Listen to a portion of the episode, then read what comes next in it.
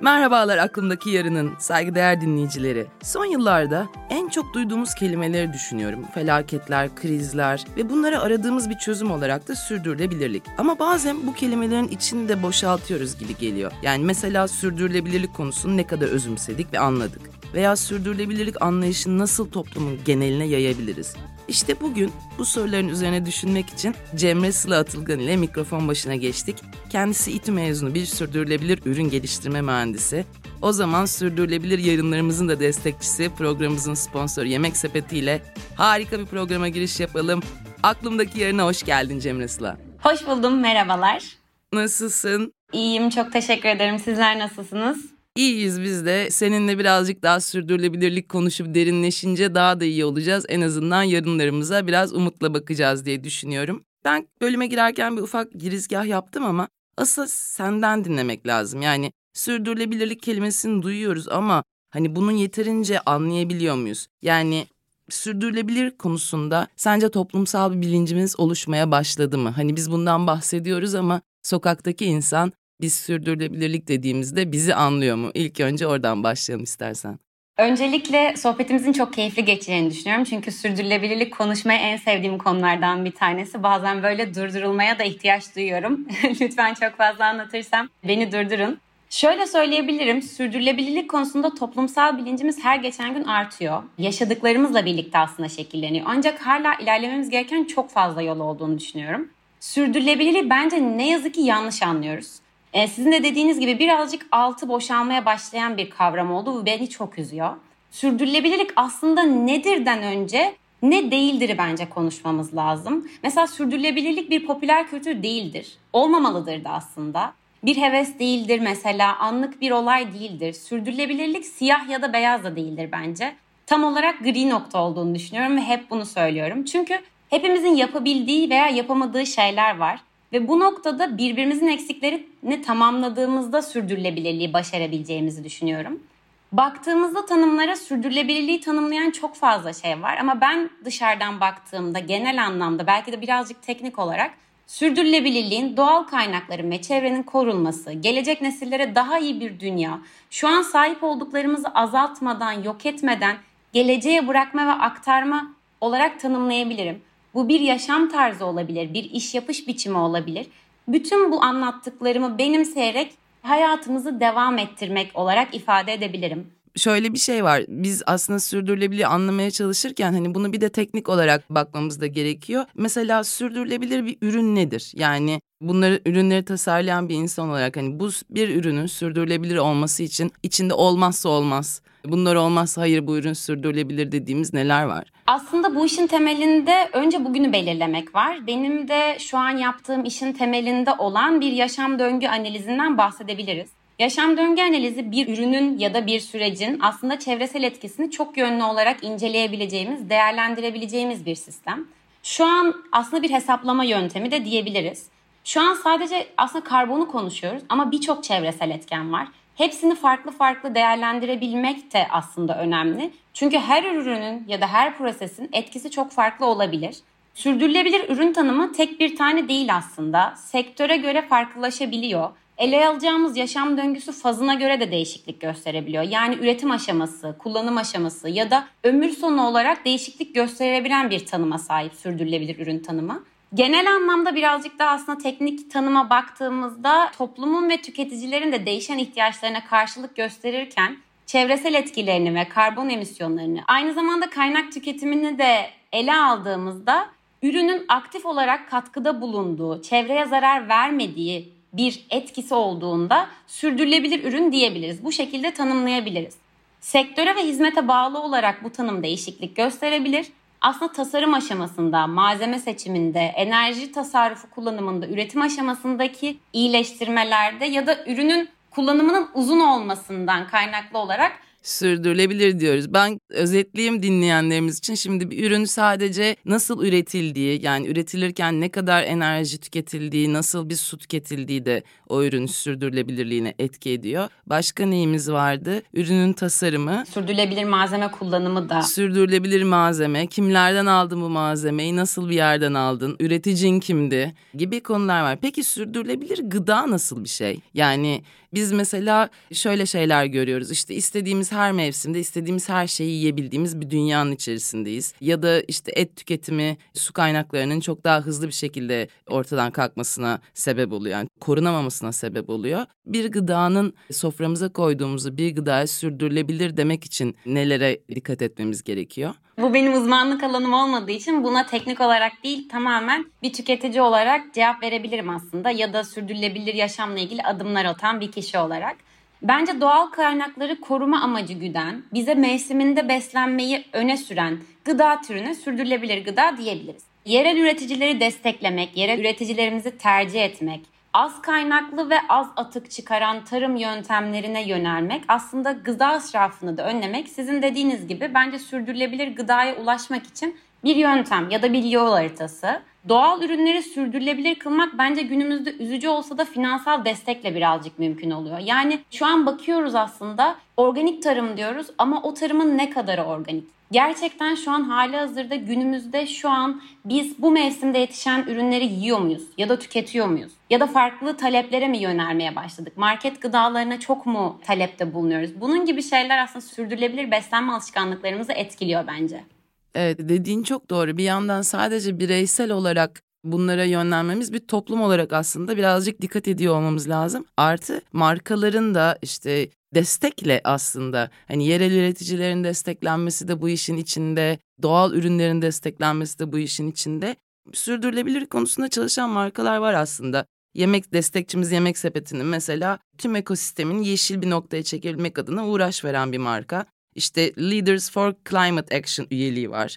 Sıfır karbon politikası var. Yeşil ofis politikası var. Sıfır atık belgeleri var. Şimdi bunun bir de en sonda da yeşil enerji sertifikası varmış. Tebrik ediyoruz. Peki şimdi belgelerden vesairelerden bahsediyoruz ama sence ne anlama geliyor bunlar? Yani bir ofisin veya bir iş yerinin bu sertifikalara sahip olması güzel bir başlangıç mı? Bizi nereye götürür? Ee, sahibi olmayanlar utansın mı? sahip olmayanlar direkt olarak utanıp kafasını yerin dibine gömmesinler ama sahip olmak için ne yapabiliriz? Bence buraya bir bakabilirler.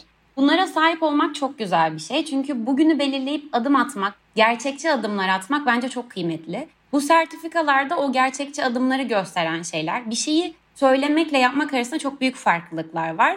O nedenle bu sertifikalar aslında yapmak nedir onu birazcık gösteriyor.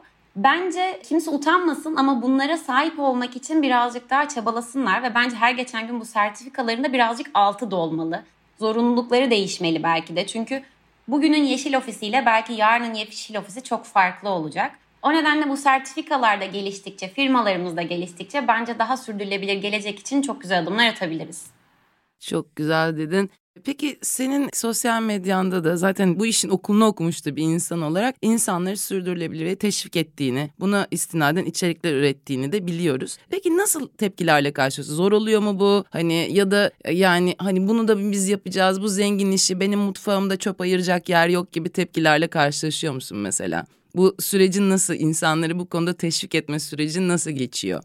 Ya kesinlikle bu bence kolay bir süreç değil. Çünkü ben sürdürülebilir yaşam için adım atmaya başladığımda çevremden hep şöyle tepkiler almıştım. Birinci çevrem olmasa da bunu anlatmaya başladığım çevreden ya dünyayı sen mi kurtaracaksın? Tek başına bunu nasıl başaracaksın? Ben bunun böyle olduğunu düşünmüyorum. Ben bugün bir şeyde değişirim ya da bir adım atarım. Daha sonrasında benim bunu anlattığım kişi de belki daha farklı birini anlatır ve böyle zincir halinde bir 10 olur, 10 100 olur. Bu şekilde büyüyebileceğimizi düşünüyorum. Bu bence çok kıymetli bir noktada. O nedenle zor olsa da vazgeçmeden adım atmak benim için çok önemli diye düşünüyorum. Sorunuzun ikinci kısmında da şunu söyleyebilirim ki ben bu ilk, buna ilk başladığımda Türkiye'de bu işin çok zor olacağını düşünmüştüm. Hala da düşünüyorum çünkü bazı algılar var. Kırılmayan, kırılmayan algılar. İşte sürdürülebilir yaşam aslında çok pahalı bir şeydir. Hayır, sürdürülebilir yaşam çok pahalı bir şey değildir. Bir ürünün birim kullanımına baktığımızda aslında değişiklikler gösterebilir. Şöyle söyleyebilirim. Sürdürülebilir etiketi var diye o ürünü satın almak zorunda değiliz. Sahip olduğumuz aslında daha sürdürülebilir olan, daha az atıksız olan. Ya da bir ürünü fiyatı ucuz diye satın aldığımızda onu kullanım ömrü çok daha kısa olabiliyor. Ne yazık ki malzeme kalitesinden kaynaklı olarak. Biz daha kaliteli malzemeye sahip, bizim ihtiyaçlarımıza daha çok hizmet eden ürüne ilk anda, ilk yatırım maliyetiyle belki birazcık daha fazla para verdiğimizde o zaman ileriye dönük de o ürünü çok daha uzun yıllar kullanabiliyoruz. Bu sefer de birim kullanım başına maliyeti düşmüş oluyor. Yani aslında bazı algılar var aşmamız ve kırmamız gereken. Daha sonra Türkiye'de de sürdürülebilir yaşamla ilgili adım atmak çok daha kolay olacaktır bence. Peki böyle hap bilgi vermeyi çok seviyorum ben dinleyicilere. Hatta gençlerimize, Z kuşağımıza da belki bunları böyle şey yapmak lazım. Sürdürülebilir bir hayatı evim içinde, öğrenci evimin içerisinde öyle çok da fazla şey olmadan yapmak istiyorum. Neler yapmalıyım mesela işte okula, işe, yürüyebildiğim her yere yürümek midir bu? Su kullanımına nasıl dikkat edebilirim? Böyle günün içerisinde bunları yapıp kendinize sürdürülebilirlik puanı alabilirsiniz dediğin neler var aklında? hepimizin yapabilecekleri çok farklı. En başında da bunu söylemiştim. Öğrenciyken neler yapıyordum diye baktığımda yemeğimi çok fazla yanımda taşıyan biriydim. Çünkü okulda herhangi bir kantinden yemek aldığımızda inanılmaz fazla atık çıkıyor. Çünkü onu bir plastik çatalla yemeniz gerekiyor. O ürünü bir ne yazık ki plastik tabağa koyuyorlar gibi gibi şeyler. Ya yemeğimizi eğer taşıyabiliyorsak yanımıza taşıyabiliriz. Ya da en basitinden çatalımızı kaşığımızı bile yanımıza taşıyabiliriz. Çünkü öğrenciyken sırt çantası bizim vazgeçilmezimiz oluyor.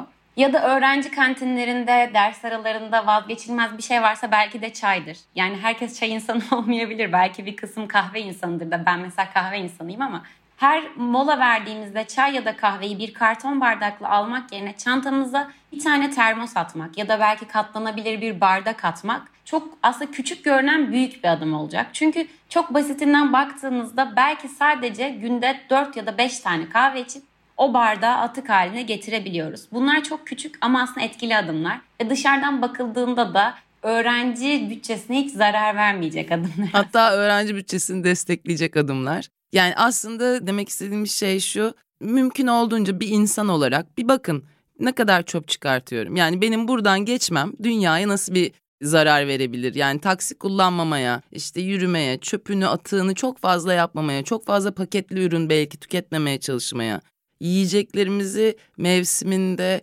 yerel üreticilerden almaya ufak ufak başladığımız zaman aslında herkes bir küçük adım atsa daha bir umut dolu bir topluma, daha sürdürülebilir bir topluma doğru ilerliyoruz.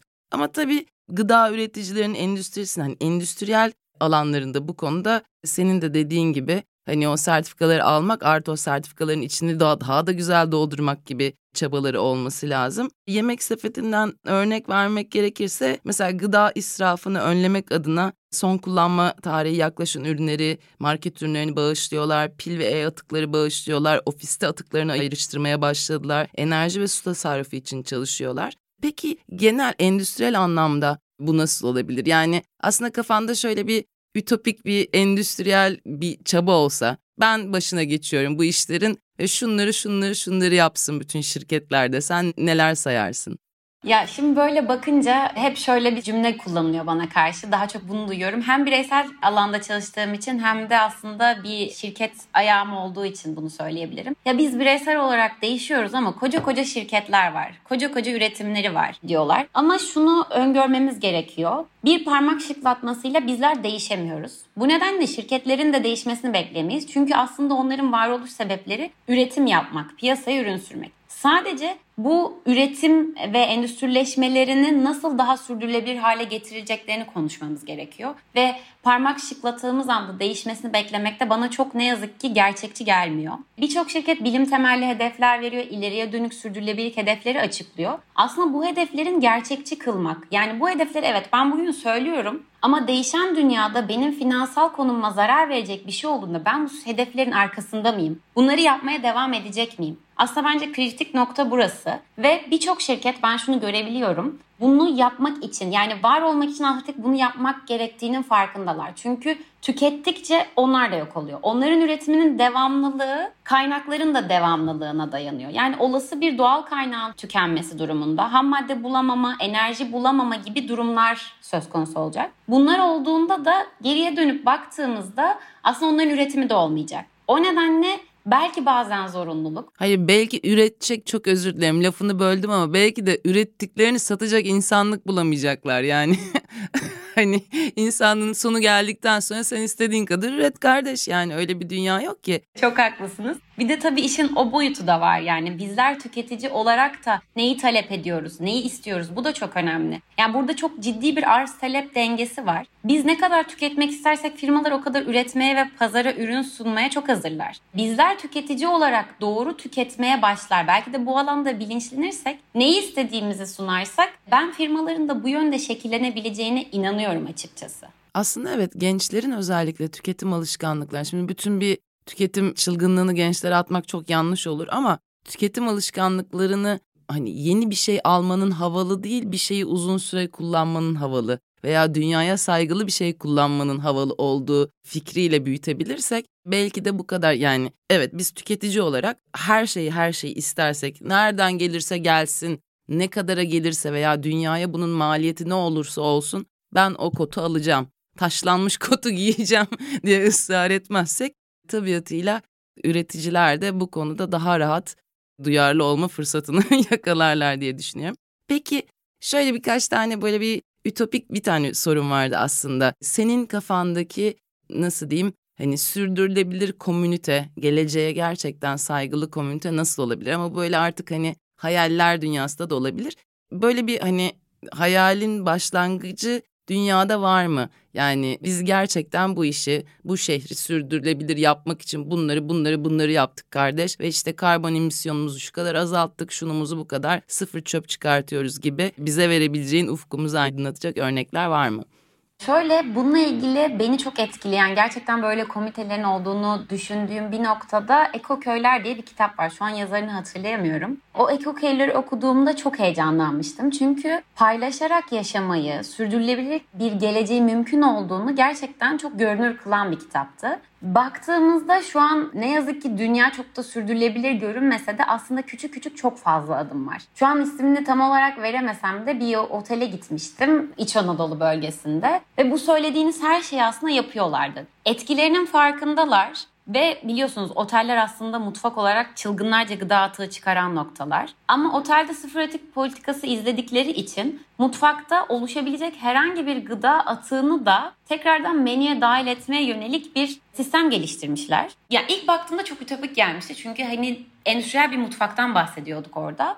Ve Orta Anadolu'nun ortasındayız yani hani öyle bir Norveç'te değil orası gibi bir yerden de ama çok güzel bir yere gelinmiş. Yani çok şaşırmıştım mesela ve mesela benim, benim tercih edeceğim, edeceğim bir adım olur bu. Yani ben böyle şeyler arttığında birey olarak daha fazla değerlendirmek isterim. Çünkü bana söylemeselerdi önüme gelen hiçbir şeyin belki de atık olarak görünen bir yiyeceğin kabuğu yani bir meyvenin ya da bir sebzenin kabuğu belki atık olarak görüyoruz. Ama onun aslında atık olmadığı, tekrardan sofrada bir yerinin olduğunu göstermek inanılmaz güzeldi. Bu gibi farklı şeyler var aslında. Görmediğimiz çok küçük ama etkisi çok büyük adımlar hem çevremizde hem dünyada çok fazla var. Ben mesela hayal olarak şöyle bir şey hayal ediyorum. Bir kere zaten motorlu taşıt yani o benzin kullanan herhangi bir şey yok. Ben yasakladım. Neden olmasın? Çünkü benim hayalim. Herkes her yere bisikletle gidiyor. Gidemediği noktada toplu taşıma var. Toplu taşımanın en şeyi elektrikli oluyor gibi bir yerden başlıyorum zaten. Hani çöp ayrıştırmamak gibi bir şey söz konusu değil. Hani çöpünü ayırmayan insana böyle artık yani. Hikmet Hanımcığım siz de hiç olmuyor falan bakmıyoruz artık yüzüne. Yani şeylerde de altın günlerinde o hanımefendinin dedikodusu yapılıyor. Yani öyle bir çöpünü de ayırmıyormuş falan gibi bir yerde. Tabii yani tüketim anlamında da bu kadar çok şey tüketmemize ihtiyaç olmayan modanın da yaşam tarzının da arkadaşlar bunu kendi aramızda çok eğlenerek hani çok güzel bir hayat sürmeye devam ederek ama yarınların da güzel hayat sürmesi için elimizden geleni yapacağız diyerek yani bunu bir dünyanın bugününü nasıl yesek demediğimiz bir alana dönüştürmek tatlı olabilir diye düşünüyorum. Peki senin geleceğe yönelik planları neler? Yani birincisi sence önümüzdeki 30 yıl içerisinde nasıl şeyler bekliyor dünyayı? Yani felaket tellallı olsun diye değil ama adımlar da şekillendirecek olabilir ve senin de hani bu alanda çalışmalarında hani hedeflerin, yeni yapmak istediğin projelerin neler? Ya benim hala umudum var. Bence bencilliği bir noktada bırakabileceğimizi düşünüyorum. Anlata anlata, konuşa konuşa ve sürdürülebilirliği belki doğru kelimesinin de tam bir açıklaması yok ama sürdürülebilirliği doğru kelimelerle anlatarak. Yani ben bazen böyle sürdürülebilirliğin konuşulduğu ortamlara giriyorum. Tabii ki de her alan çok farklı birbirinden. Zaten sürdürülebilir deyince yalnızca çevre de gelmemeli aklımıza. Toplum da bir sürdürülebilirlik faktörü. Ya da hani bunun gibi farklı kanalların olduğunu sürdürülebilirliğin görmemiz lazım. Ben ileriye dönük umutluyum. Bence şu an şöyle bir eşikteyiz. Ya hep ya hiç. Yani birkaç sene içinde atacağımız adımlarda ya sizin dediğiniz gibi olay felaket senaryosuna gidecek ya da bir şeyleri değiştirip hani çok daha iyiye gitmeden olduğumuz konumu koruyup tüketmemeyi öğrenerek yani bilinçsiz tüketmemeyi öğrenerek adım atabileceğimizi düşünüyorum. İleriye dönük senaryoda bence şöyle söyleyeyim hep karbon konuştuğumuz için bir fosil yakıttan uzaklaşmayı ben gelecekte görüyorum. Yani inşallah artık hani nereden sesimizi duyuralım, nasıl konuşalım. Artık lütfen, lütfen ya. 2023 oldu arkadaşlar lütfen yani. Bir kömürden çıkalım artık hani kömür kullanmayalım. Ya yani mesela bu elektrikli araç dediniz. Hani şu an günümüzde bir elektrik araç kullanmak Türkiye'de ne yazık ki herhangi bir benzinli ya da dizel araç kullanmakla başa baş. Çünkü aslında o kullandığımız elektrik de ne yazık ki fosil yakıtlardan üretiliyor. Bence önce böyle ciddi adımlar atmamız lazım bizim. Hani toplum ve komite olarak. Bunu biz istemeliyiz. Yani ben artık böyle bir gelecek istemiyorum. Bu geleceği istemediğim için buralarda değişiklik yapalım. Bence kömürden çıkacağız ama çok inanıyorum. Ya ve birazcık daha dünyayı da takip etmeliyiz. Sadece felaketler ne bizim ülkemizde oluyor ne de dünyanın bambaşka bir yerinde. Bu felaketlerden öğrenilmiş gerçeklikler çıkarmalıyız. Yani orada ne oldu? Nasıl adımlar attılar? Biz bu felaketler için hazırlıklı mıyız? Yani olası bir sel felaketinde nasıl önlemler alacağız? Ya da sel felaketi olmaması için nasıl bir altyapı kurmalıyız? Ben bunları öğrenebileceğimize inanıyorum ve bence gelecek mesela 2030'a kadar bizi böyle bir yol haritası bekliyor. Ben ümitli taraftayım. Karamsar tarafta değilim. Çok teşekkür ediyoruz Cemre Sıla. Bize hem ümit oldun hem de e, anlattıklarınla aklımızdaki sürdürülebilirlik süreçlerini aydınlattığın için e, bizimle beraber olduğun için çok teşekkür ederiz. Aslında seninle tüm soruların üzerinden geçtiğimiz bir bölüm yaptık ama bir de sürdürülebilirlik puanımız var. E, bütün konuklarımıza sorduğumuz sorulardan sana neler soralım bakalım buradan. Çöplerini ayırdığını biliyorum. Yiyecek içecek atıklarının çay kahve gibi posalarını değerlendirdiğini biliyorum. Kremanı, mayonezini kendin yaptığını biliyorum. Ben sana sormadan fark ettiysen senin sürdürülebilirlik puanı çek yapıyorum. Çünkü hem profilin hem anlattıklarına çok net. Peki ikinci el kıyafetlerle aran nasıl? Terzin var mı? Kıyafetleri nasıl değerlendiriyorsun? Bayılırım. İkinci el kıyafete bayılırım. Çünkü şöyle bir şey söyleyeyim. Benim en yani en kıymetli terzim annem. Her gün anneme anne şunu dikelim, anne bunu yapalım demekten asla sıkılmıyorum. Hatta şöyle bir belki hareket, belki akım diyebiliriz. Dolaplarımızda hazine var. En ışıltılı vitrinler dolaplarımız. Sürekli bunu söylüyorum. Evet ben de ya hiçbirimiz aslında mükemmel değiliz. O nedenle benim de tabii ki de satın aldığım, ihtiyaç duyduğum alanda belki bazen isteğime bağlı aldığım şeyler var ama ikinci el kıyafetin değerine çok inanıyorum. Yaşanmışlığı var. Daha kaliteli, daha iyi ham maddeden olduğunu inandığım için daha geçen gün paylaştım hatta. Annemin 20 yıl önce kendine dikmiş olduğu bir takımı biz değiştirdik. Benim bedenime ve benim tarzıma göre uyarladık. Ben bugün dışarıda onu çok rahatlıkla giyebiliyorum. Böyle küçük değişikliklerle aslında sahip olduklarımızı daha da kıymetli hale getirebiliriz diye düşünüyorum. O yüzden ikinci el kıyafet çok sevdiğim bir şey. Ağzına sağlık Cemre'cim. Tabii ki sürdürülebilirlik bağının 100 100 100. tekrar tekrar çok teşekkür ediyorum bize konuk olduğun için. Ben teşekkür ederim davetiniz için. Evet bugünün programında Cemre Sıla Atılgan bizlerleydi. Sürdürülebilirlik konuştuk, yarınları konuştuk. Biliyorsunuz yarın en temel özelliği son derece hızla bize doğru yaklaşıyor olması. Ve ondan korkmak, onun belirsizliği içinde paniğe kapılmanın da yarına ne de bugüne bir faydası yok. Yapılabilecek en iyi şey varlığımızı ve kaynaklarımızı yarın da işimize yarayacak şekilde nasıl sağlam, nasıl çalışır tutabileceğimizi bugünden düşünmek. Bu programda biz yarınlarla ilgili daha az endişelenelim diye bugünden tasarlayan, düşünen ve bizi ışık tutan bir isim vardı. Cemre Sıla Atılgan bizlerleydi. Kendisine ve programımızın her zaman destekçisi olan Yemek Sepeti'ne çok teşekkür ediyorum. Ve tekrar görüşünceye dek esen kalın, sürdürülebilir kalın. Hoşçakalın. Bay bay.